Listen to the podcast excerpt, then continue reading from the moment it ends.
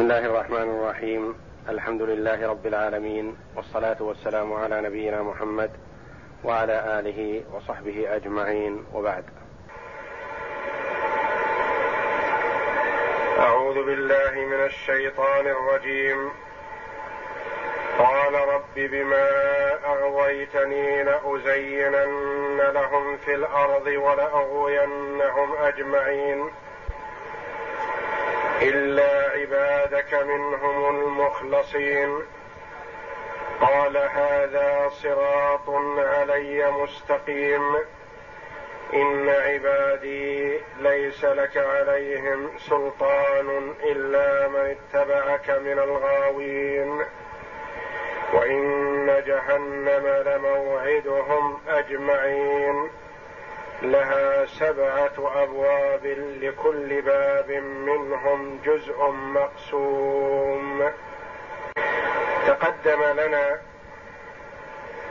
في الآيات قبل هذه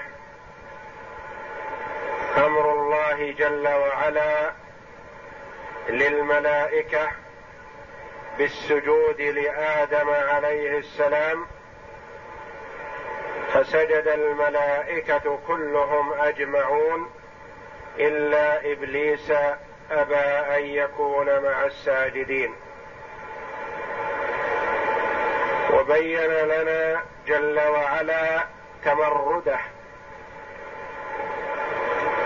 وامتناعه عن السجود تكبرا وتعاظما وافتخارا بعنصره لا بتفضيل الله جل وعلا.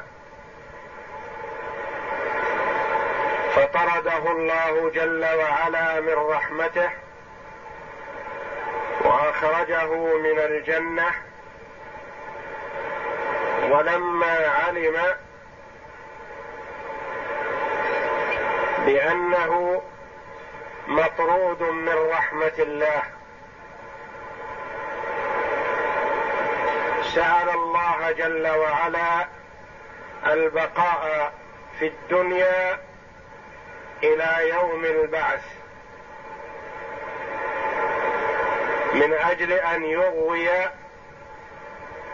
بني آدم ويتسلط عليهم. فأجابه الله جل وعلا لشيء مما سأل وهو الإنظار إلى يوم الصعقة. سأل الإنظار إلى يوم البعث بمعنى أنه سأل الله ألا يموت أبدا. فأجابه الله جل وعلا بأن أعطاه طول العمر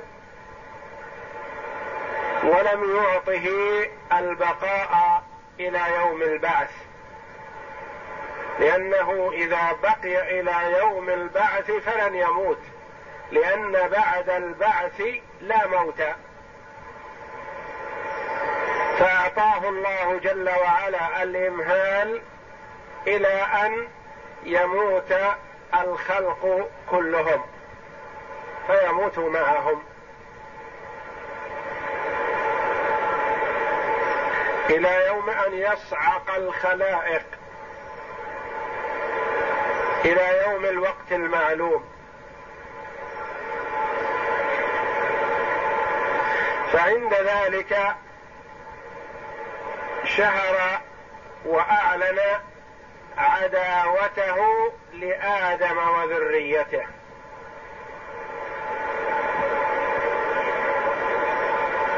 ومع ذلك الكثير من عباد الله يغتر بوسوسته وتزيينه فيستجيب. وما ذاك إلا لضعفنا وجهلنا.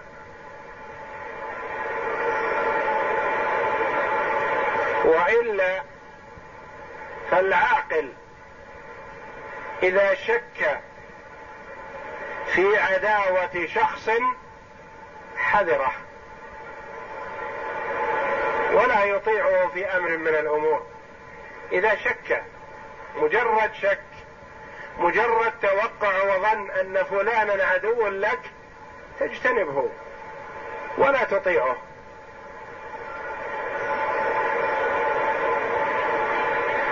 فما بالك إذا تيقن؟ المرء تيقن العداوة من شخص ما هل يطيعه؟ فما بالك إذا أخبره هو عن نفسه؟ أعلن العداوة صريحة. وأخبر الله جل وعلا عن إعلانه ذلك. فهل يليق بعاقل أن يستجيب لهذا الذي أعلن العداوة وأخبر الله جل وعلا عن عداوته لآدم وذريته؟ وما طاعة بني آدم للشيطان إلا لجهل منهم. وكما قال بعض السلف كل من عصى الله فهو جاهل. لأن المرء إذا عصى الله من أطاع في هذه المعصية؟ أطاع الشيطان. ومن أغضب في هذه المعصية؟ أغضب الله. وهل يليق بعاقل أن يغضب الله لإرضاء الشيطان. من فعل ذلك وكلنا نقع في هذا نفعل. من فعل ذلك فهو جاهل. فالعبد حال المعصية لا شك في جهله. لا شك في جهله لأنه لو انتفى عنه الجهل ما عصى الله وأطاع الشيطان. إذا أمر الأب بشيء وأمر أحد الجيران بشيء ما بخلافه فهل يليق بالعاقل أن يعصي أباه ويطيع جاره فما بالك إذا كان الجار هذا فاسق؟ فهل يليق؟ أبعد. ما بالك إذا كان هذا الجار الآمر كافر؟ فهل يليق؟ ما بالك إذا كان هذا الكافر قد آذى أباك؟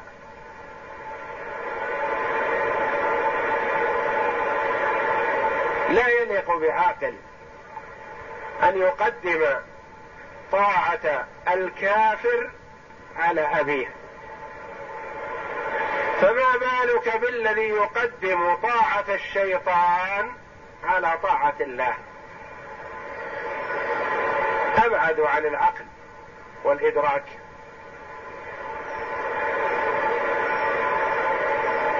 فهذا الشيطان أخبر الله جل وعلا في محكم كتابه بقوله إن الشيطان لكم عدو فاتخذوه عدوا. وأخبره عن نفسه وأقسم بعزة الله جل وعلا على إغواء بني آدم. لماذا؟ ليستفيدوا من هذه الغواية؟ لا والله بل ليكونوا من أهل النار.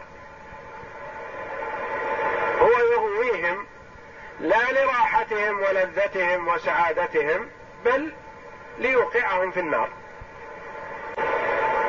فالعاقل إذا هم بالمعصية يتأمل النتيجة. ومن أطاع في هذه المعصية ومن عصى في هذه المعصية. عصى الله جل وعلا الذي لا يستحق أن يعصى بل يجب أن يطاع فلا يعصى ويذكر فلا ينسى ويشكر فلا يكفر لتوالي نعمه وتتابعها ولأن المآل إليه والمرد إليه وهو المتولي لأمر عبده. إن كان مطيعا أثابه وأدخله الجنة وإن كان عاصيا فعاقبه إن لم يعف عنه ويتجاوز وأدخله النار. يقول بعض السلف لو توعدني ربي إن عصيته أن يوقفني في الشمس لحذرت المعصية. الايقاف في الشمس. فما بالك إذا كان الوعيد الإدخال في النار والعياذ بالله مع المعصية. لما أيقن الشيطان بالبقاء أعلن العداوة صريحة. كما قال الله جل وعلا عنه قال ربي بما أغويتني لأزينن لهم في الأرض ولأغوينهم أجمعين. قال ربي هو معترف بالربوبية لكنه عصى عصى الله وتمرد. وكفار قريش معترفون بربوبية الله جل وعلا. ولم ينفعهم ذلك لأن الاعتراف بالربوبية لا ينفع صاحبه إذا لم يطع الله جل وعلا في إفراده بالعبادة. فإبليس معترف بربوبية الله جل وعلا لكنه عصى الله. وكفار قريش معترفون بربوبية الله جل وعلا لكنهم أشركوا مع الله غيره. وقاتلهم النبي صلى الله عليه وسلم وأهلك الله من أهلك على يد محمد صلى الله عليه وسلم وأصحابه في موقعة بدر الكبرى. ومآلهم إلى النار.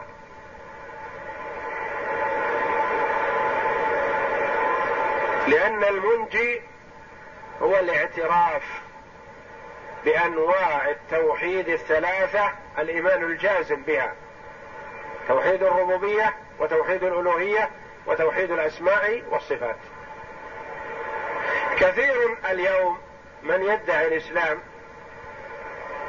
ومن يحج ويصلي ويصوم وهو واقع في في الشرك الذي وقع به كفار قريش.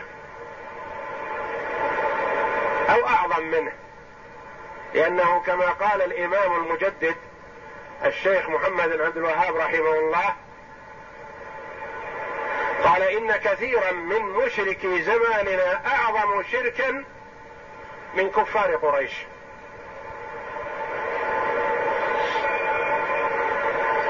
بعض من يدعي الإسلام الآن يصلي ويصوم ويزكي ويحج ويعتمر لكن يذهب إلى الأولياء والأضرحة المزعومه أنها أولياء ولا ما يدرى؟ لا يدرى عنها عن أصحابها أهم في روضة من رياض الجنة أم في حفره من حفر النار؟ فلا يجوز لنا أن نقول إن فلانا ولي إلا إن كان الرسول عليه الصلاة والسلام شهد له بالجنة. فهو ولي بلا شك. وأما من لم يشهد له الرسول صلى الله عليه وسلم بالجنة سواء كان من الصحابة أو من التابعين أو من بعدهم لا نشهد له بجنه ولا نار. لا ندري أهو ولي أم لا. وبعض التابعين رحمهم الله يقول أدركت كذا وكذا من الصحابة كلهم يخاف على نفسه النفاق. فالمرء لا يدرى عن حاله أهو مؤمن أم منافق؟ ومن مات على الإسلام الظاهر يرجى له. يرجى له النجاة ولا نجزم. لا نجزم له بنجاة. فمن يزعم أنهم أولياء نقول الله أعلم بحالهم. لا يجوز لنا أن نقول فلان ولي وفلان ولي إلا إن كان ممن شهد له الرسول صلى الله عليه وسلم بالجنة فهو قطعا بلا شك ولي من أولياء الله. كثير ممن يدعي الإسلام يعمل أعمال الإسلام الظاهرة ثم يناقضها بالذهاب إلى الولي المزعوم أو إلى الضريح. ويطلب منه شفاء المريض. يطلب منه رد الغائب. يطلب منه أمرا من الأمور التي لا يقدر عليها إلا الله. أي أمر من الأمور؟ لأن الميت لا يقدر على شيء مطلقا. إذا سأله امرا من الأمور حبط عمله كله والعياذ بالله. صلاته وصيامه وزكاته وحجه. ولهذا قال الإمام الشيخ محمد بن عبد الوهاب رحمه الله إن كثيرا من مشرك زماننا أعظم كفرا وشركا من شرك الجاهلية. لما؟ لأن مشرك الجاهلية يشركون في الرخاء. وأما عند الشدة يلجؤون إلى الله. وكثير من مشرك اليوم يشركون في الرخاء وفي الشدة أشد شركا. يجعر إلى من يزعم أنه الولي أو صاحب الحضرة أو المقام. يجأر إليه في الشدة فهو أعظم. شركا من مشرك الجاهلية. وهذا الشرك والعياذ بالله محبط للعمل. يقول الله جل وعلا ولقد أوحي إليك وإلى الذين من قبلك لئن أشركت ليحبطن عملك ولتكونن من الخاسرين. الدعاء مخ العبادة. يأتي الشيطان إلى بعض أوليائه فيقول إن القبر الفلاني أو إن السيد الفلاني مجرب ينفع. فإذا حزبك أمر فادعه. اساله مجرب في رد الضالة في شفاء المريض في كذا في كذا. هذا بإيحاء من الشيطان. والشافي للمريض والراد للضالة هو الله جل وعلا. هذا ميت في قبره ما يقدر على شيء. فعلى المرء الذي يريد نجاة نفسه أن يتفطن لهذا الأمر العظيم الذي هو انتشار الشرك وكثرته في آخر الزمان بكثرة ربما يكون أكثر منه في وقت الجاهلية.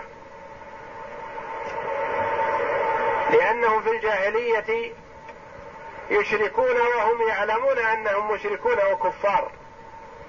لكن كثير ممن يفعل هذا اليوم يظن أنه مسلم وأنه متقرب إلى الله جل وعلا. وعمله حابط والعياذ بالله بشركه وسؤاله. لأن الميت لا يقدر على شيء لا يرد ولا ولا غائب. ولا يشفي مريض ولا يعطي ولد ولا يهب الحمل ولا ينفع في شيء. ومرتهن في قبره. إن كان تقيا فهو في روضة من رياض الجنة وإن كان فاجرا والعياذ بالله فهو في حفرة من حفر النار. ولا يدري عن السائل له. وإنما الشيطان فعل هذا بعباد الله ليوقعهم فيما حلف عليه.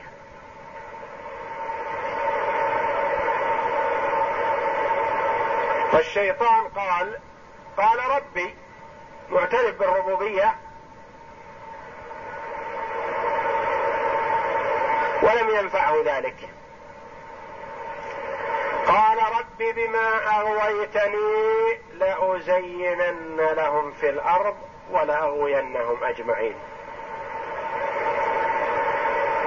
بما أغويتني الباء باء قسم وجر.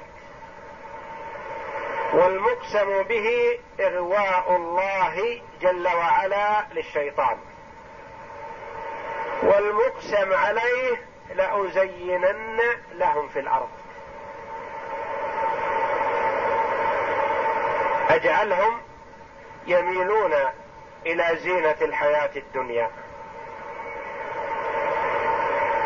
وأشغلهم بذلك حتى يشتغلوا بهذا عن طاعة الله. وهذا هو حال الكثير منا. يفني عمره في ما يصلح دنياه ولا يلتفت لما يصلح آخرته.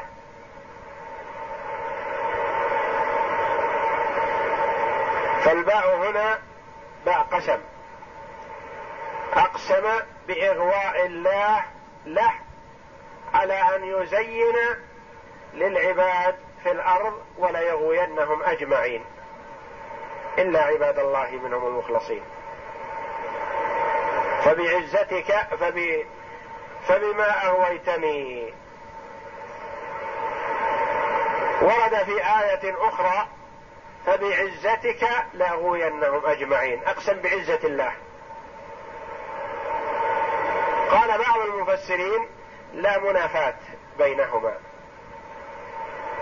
فإغواء الله جل وعلا للشيطان حصل بعزة الله جل وعلا وعظمته وانتقامه ممن عصاه.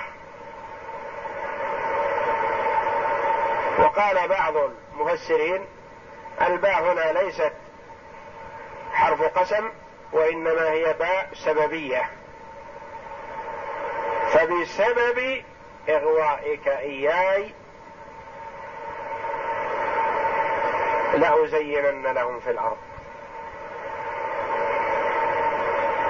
والمعنى على القسم أظهر لأنه ورد مصرحا به في قوله جل وعلا فبعزتك لأغوينهم أجمعين. وتفسير الآية هذا بما يتفق مع الآية الثانية أو لا. كما قرره بعض العلماء رحمهم الله بأنه كلما أمكن تفسير القرآن بالقرآن فهو أولى. إذا وجدنا آية مبهمة وآية موضحة ففسرنا الآية المبهمة بما وضح في الآية الواضحة الظاهرة المعنى.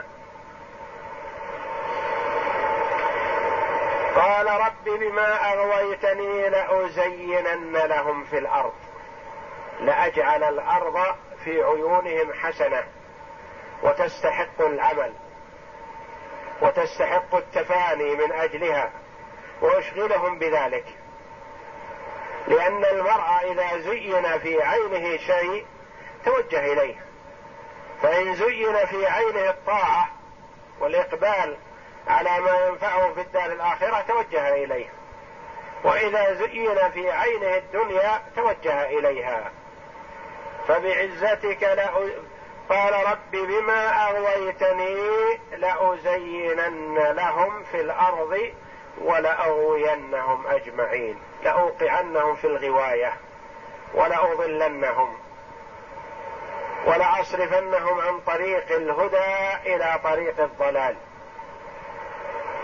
ثم خاف اللعين من انتقام الله جل وعلا وبطشه به فاستثنى فقال إلا عبادك منهم المخلصين. هؤلاء لا أستطيعهم ولا أقربهم. الا عبادك منهم المخلصين. قراءتان إلا عبادك منهم المخلصين وإلا عبادك منهم المخلصين بكسر اللام وفتحها. المخلصين الذين استخلصتهم لطاعتك. والمخلصين اسم فاعل الذين أخلصوا العمل لوجهك. هؤلاء قال اعترف بأنه لا سبيل إليهم. إلا عبادك منهم المخلصين أو المخلصين. هل هؤلاء الذين لم يقعوا في المعصية اطلاقا؟ لا. ليس ذلك لأنه لو كان هؤلاء هم الذين لم يقعوا في المعصية ما صدق هذا الوصف إلا على القليل النادر من عباد الله. ولا خرج منه كل من وقع في معصية. وما سلم من المعصية إلا القليل جدا من عباد الله. وإنما الذين سلموا من الشرك وإن وقعوا في المعصية استغفروا وتابوا إلى الله. هؤلاء من المخلصين. ومنهم آدم عليه السلام. وقع في المعصية واستغفر وتاب فتاب الله عليه. والوقوع في الذنب دون الكفر لا يهلك به العبد إلا بالاستمرار عليه. والإدمان عليه. وأما إذا وقع في الذنب فتاب إلى الله وأناب وصدق في توبته فالله جل وعلا جواد كريم يغفر له ذنبه ويبدل له الذنب بحسنه بالتوبة.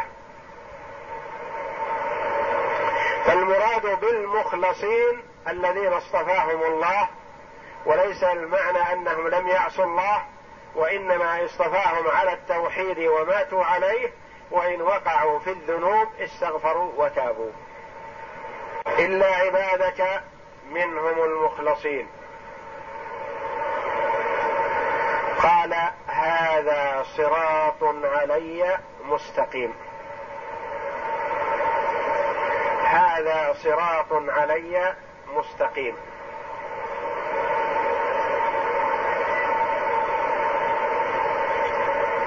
هذا طريق علي. من أردت وفقته وفقته للهداية والاستقامة فسار عليه. ومن لم يرد الله له الهداية أغواه الشيطان وأضله. هذا صراط علي مستقيم. علي فيه التوفيق والإلهام. وقيل المعنى هذا صراط علي مستقيم. صفة مشبهة. علي بمعنى رفيع المستوى. وهو صراط عباد الله المخلصين الذين استخلصهم الله لعبادته واصطفاهم.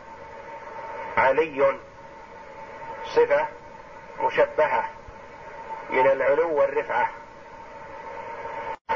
وقيل المراد هذا صراط علي مستقيم. هذا طريق راجع إلي. ويكون هذا على سبيل الوعيد. كقوله جل وعلا إن ربك لبالمرصاد. يعني هذا طريق إلى الله. كل لا بد أن يمر على ربه. لن يفلت. فيجازي المتقي والمخلص بإخلاصه ويجازي الكافر والفاجر والمنافق بعمله السيء. يعني الطريق إلى الله. كأن تقول لمن تمرد عليك وأنت مرجعه تقول طريقك علي. يعني كأنك تقول أمرك بيدي. أستطيع الانتقام منك. هذا صراط علي مستقيم أي طريق إلي. على معنى قوله جل وعلا إن ربك لبالمرصاد. كل إليه راجعون. هذا صراط علي مستقيم. إن عبادي ليس لك عليهم سلطان.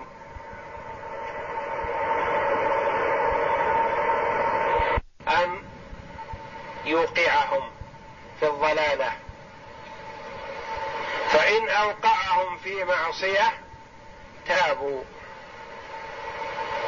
وأنابوا وربما حسنت حالهم بعد المعصية أحسن من حالهم قبل المعصية. كثير ممن يقع في المعصية يكون قبل المعصية متوسط الحال. فيقع في المعصية فيندم. ويتأثر من وقوعه في المعصيه ويجأر إلى الله جل وعلا. ويبكي بين يديه. متذللا. خائفا من معصيته هذه وتكون معصيته دائما نصب عينيه. يخاف الهلاك بسببها. فكلما تذكرها أحدثت له توبة.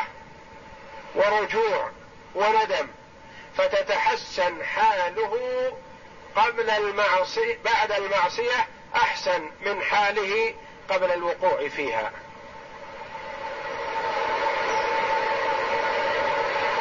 كما هي حال آدم عليه السلام فكانت حاله بعد معصية الله أحسن من حاله قبل المعصية. بالندم والتضرع إلى الله والرجوع إليه والتوبة. وكلما تذكر معصيته تأثر. وخاف من الله جل وعلا. وأحدث له ذلك عمل صالح وجد واجتهاد لأجل أن يمحى سيئته. وعلامة التوفيق أن العبد إذا وقع في المعصية أحدث بعدها طاعة. والله جل وعلا يقول إن الحسنات يذهبن السيئات. ومن علامات الرد للحسنة والعياذ بالله وعدم القبول أن يقع العبد بعد الحسنة بمعصية. يعمل الطاعة ثم يعقبها معصية والعياذ بالله. يجتهد في رمضان وبعد رمضان يرجع إلى معاصيه. وهذا علامة على عدم القبول والعياذ بالله. ولا نقول إنه دليل أو كذا أو نجزم بعدم القبول لا. الأمر إلى الله جل وعلا في هذا. وإنما من العلامات التي يستدل بها. العبد يجتهد في الأعمال الصالحة في شهر ذي الحجة وأيام الحج ثم بعد الحج يرجع إلى معاصيه وسيئاته والعياذ بالله. هذا ربما يكون دليلا على عدم القبول والعياذ بالله.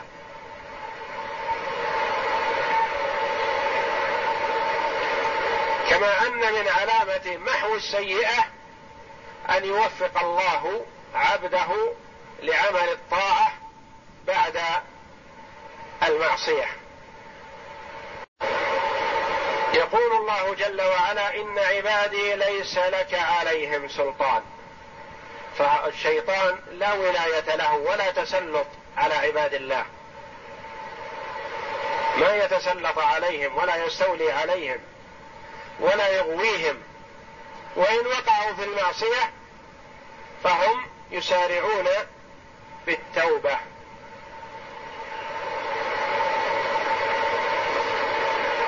كما ورد أن الشيطان يقول أهلكت بني آدم بالمعاصي فأهلكوني بالاستغفار. والاستغفار الصحيح التوبة الصادقة تجب ما قبلها بإذن الله. إن عبادي ليس لك عليهم سلطان إلا من اتبعك من الغاوين. الاستثناء هنا منقطع. لأن المستثنى ليس من جنس المستثنى منه. المستثنى الغاوي والمستثنى منه المخلصين. وبينهما فرق بعيد. لا هذا من هذا ولا هذا من هذا. فلهذا قال العلماء رحمهم الله هذا الاستثناء منقطع.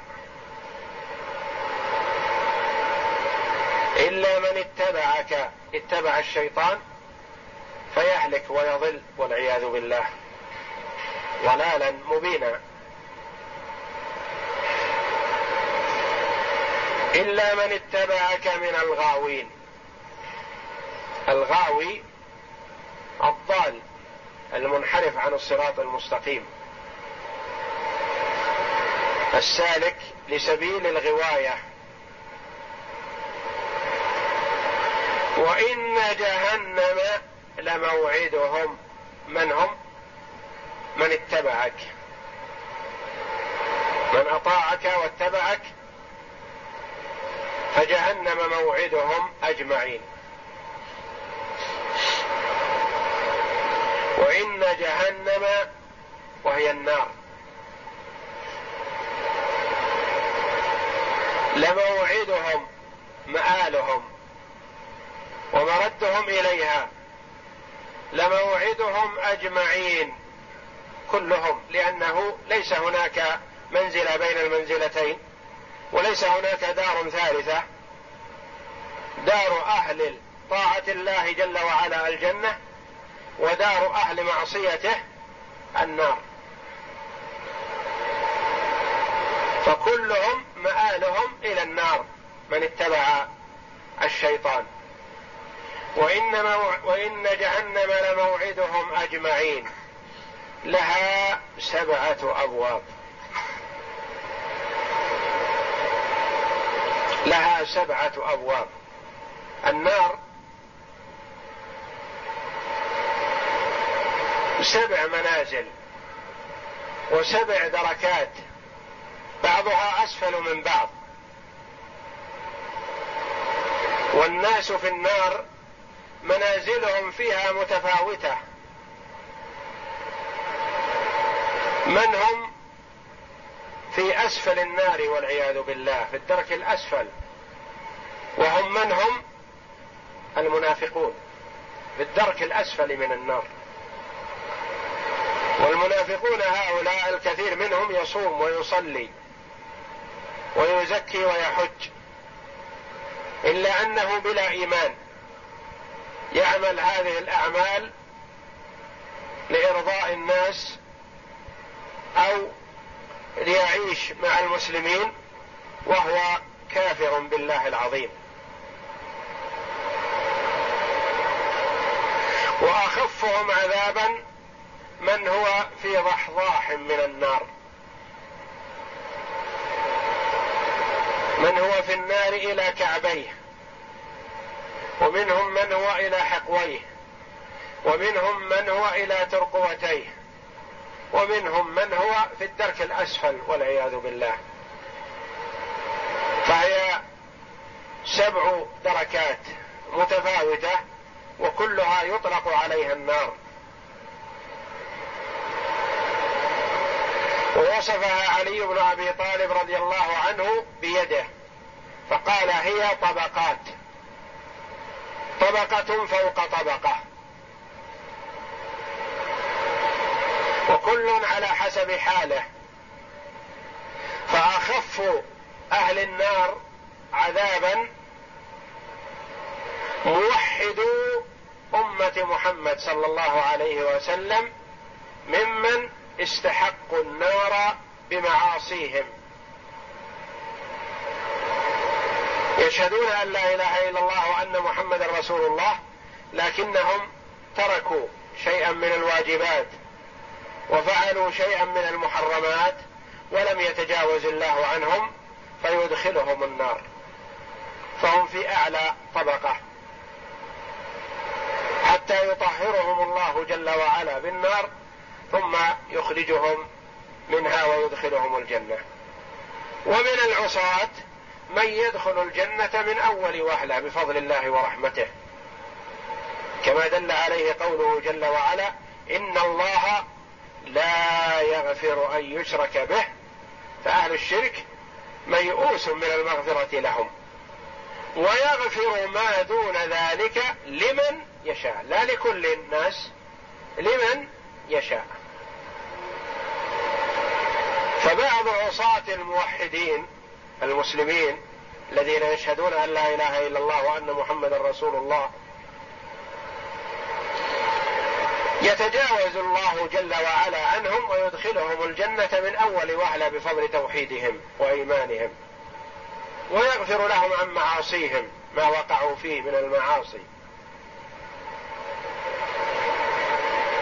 والمراد بالمعاصي الكبائر الزنا وشرب الخمر وعقوق الوالدين والوقوع في كبائر الذنوب قد يتجاوز الله عنهم ويدخلهم الجنة من أول وهلة. ولا يجوز لنا أن نقول إن هذا الذي يشرب الخمر أو يزني أو كذا يقع في المحرمات هذا لا يغفر الله له. لا لا يجوز لنا ذلك بل يحرم علينا ونقول هذا أمره إلى الله جل وعلا. إن شاء غفر له وأدخله الله الجنة من أول وهلة بإيمانه وإسلامه وإن شاء جل وعلا أدخله النار وعذبه. فبعض عصاة الموحدين يدخلون الجنة من أول وهلة بفضل الله ورحمته. وبعض عصاة الموحدين يدخلون النار ولا يخلدون فيها. ثم الطبقات الأخرى للنصارى واليهود والمجوس والمشركين والمنافقين. وأسفلهم المنافقون. وأعلاهم الموحدون الذين استحقوا الدخول النار بمعاصيهم. وهي سبع دركات لها سبعة أبواب. لكل باب منهم جزء مقسوم. لكل منزلة في النار ومقر في النار له أناس مخصوصون بقدر كفرهم. فالكفر درجات. ومنازلهم في النار مع كفرهم على حسب درجاتهم. منهم من يكون في أسفل النار والعياذ بالله كما قال الله جل وعلا إن المنافقين في الدرك الأسفل من النار فهم أشد عذابا من اليهود والنصارى وهم يصلون مع المسلمين ويصومون. لأن صلاتهم وصيامهم وأعمالهم لا لوجه الله وإنما لإضلال المسلمين. للتمويه على المسلمين. فلذا استحقوا العذاب الشديد. وأذى المنافقين وخطر المنافقين على المسلمين أشد من اليهود والنصارى. لأن المسلم يحذر اليهودي والنصراني والمجوسي والمشرك. لكن يظن أن المنافق أخاه. لا يدري عن نفاق النفاق في القلب. فيغتر به فضرر المنافقين على المسلمين أشد من ضرر اليهود والنصارى والمشركين وهم يصلون ويصومون. فلذا صاروا في الدرك الأسفل من النار. والله أعلم بدركاتهم في النار منازلهم. وبعض المفسرين قال الدرجة الأولى العليا للعصاة من الموحدين المسلمين والتي تليها تحت للنصارى والتي تليها تحت لليهود ثم المجوس ثم المشركين ثم المنافقين والعياذ بالله. ومن المعلوم أن اليهود والنصارى والمشركين والمجوس ليسوا على حد سواء ليسوا على حد سواء. فمن النصارى من هو مشرك بالله لكن لا يؤذي عباد الله ومسالم. هذا أخف من النصراني الخبيث اللعين الذي يدعو إلى النصرانية ويؤذي المسلمين وينتهك المحارم. كذلك اليهودي كذلك المشرك. من المشركين من هو كافر بالله لكن لا يؤذي الناس. ومنهم من هو معلن الحرب ظاهرا وباطنا على عباد الله. فهذا أشد. فبحسب عمل المرء في الدنيا تكون منزلته وحفرته في النار على حسب عمله. كذلك منازل المؤمنين في الجنة متفاوتة بحسب أعمالهم. يقال لهم يوم القيامة ادخلوا الجنة برحمتي واقتسموها بأعمالكم. فمنازلها بالعمل. بحسب عمل المرء واجتهاده في الطاعة وإخلاصه في العمل لله جل وعلا تكون منزلته في الدار الآخرة. يقول الله جل وعلا في هؤلاء الغاوين وإن جهنم لموعدهم أجمعين لها سبعة أبواب لكل باب منهم من هؤلاء الغاوين جزء مقسوم. محدد معلوم بأمر الله جل وعلا وحكمته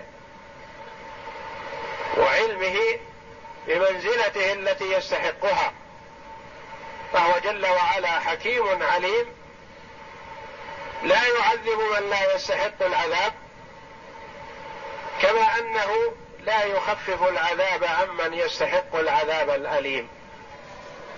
فهو جل وعلا حكيم في أقواله وأفعاله وتصرفاته جل وعلا بخلقه. لها سبعة أبواب لكل باب منهم جزء مقسوم. أعاذنا الله وإياكم جميعا من نار جهنم. وصلى الله وسلم وبارك على عبده ورسول نبينا محمد وعلى آله وصحبه أجمعين.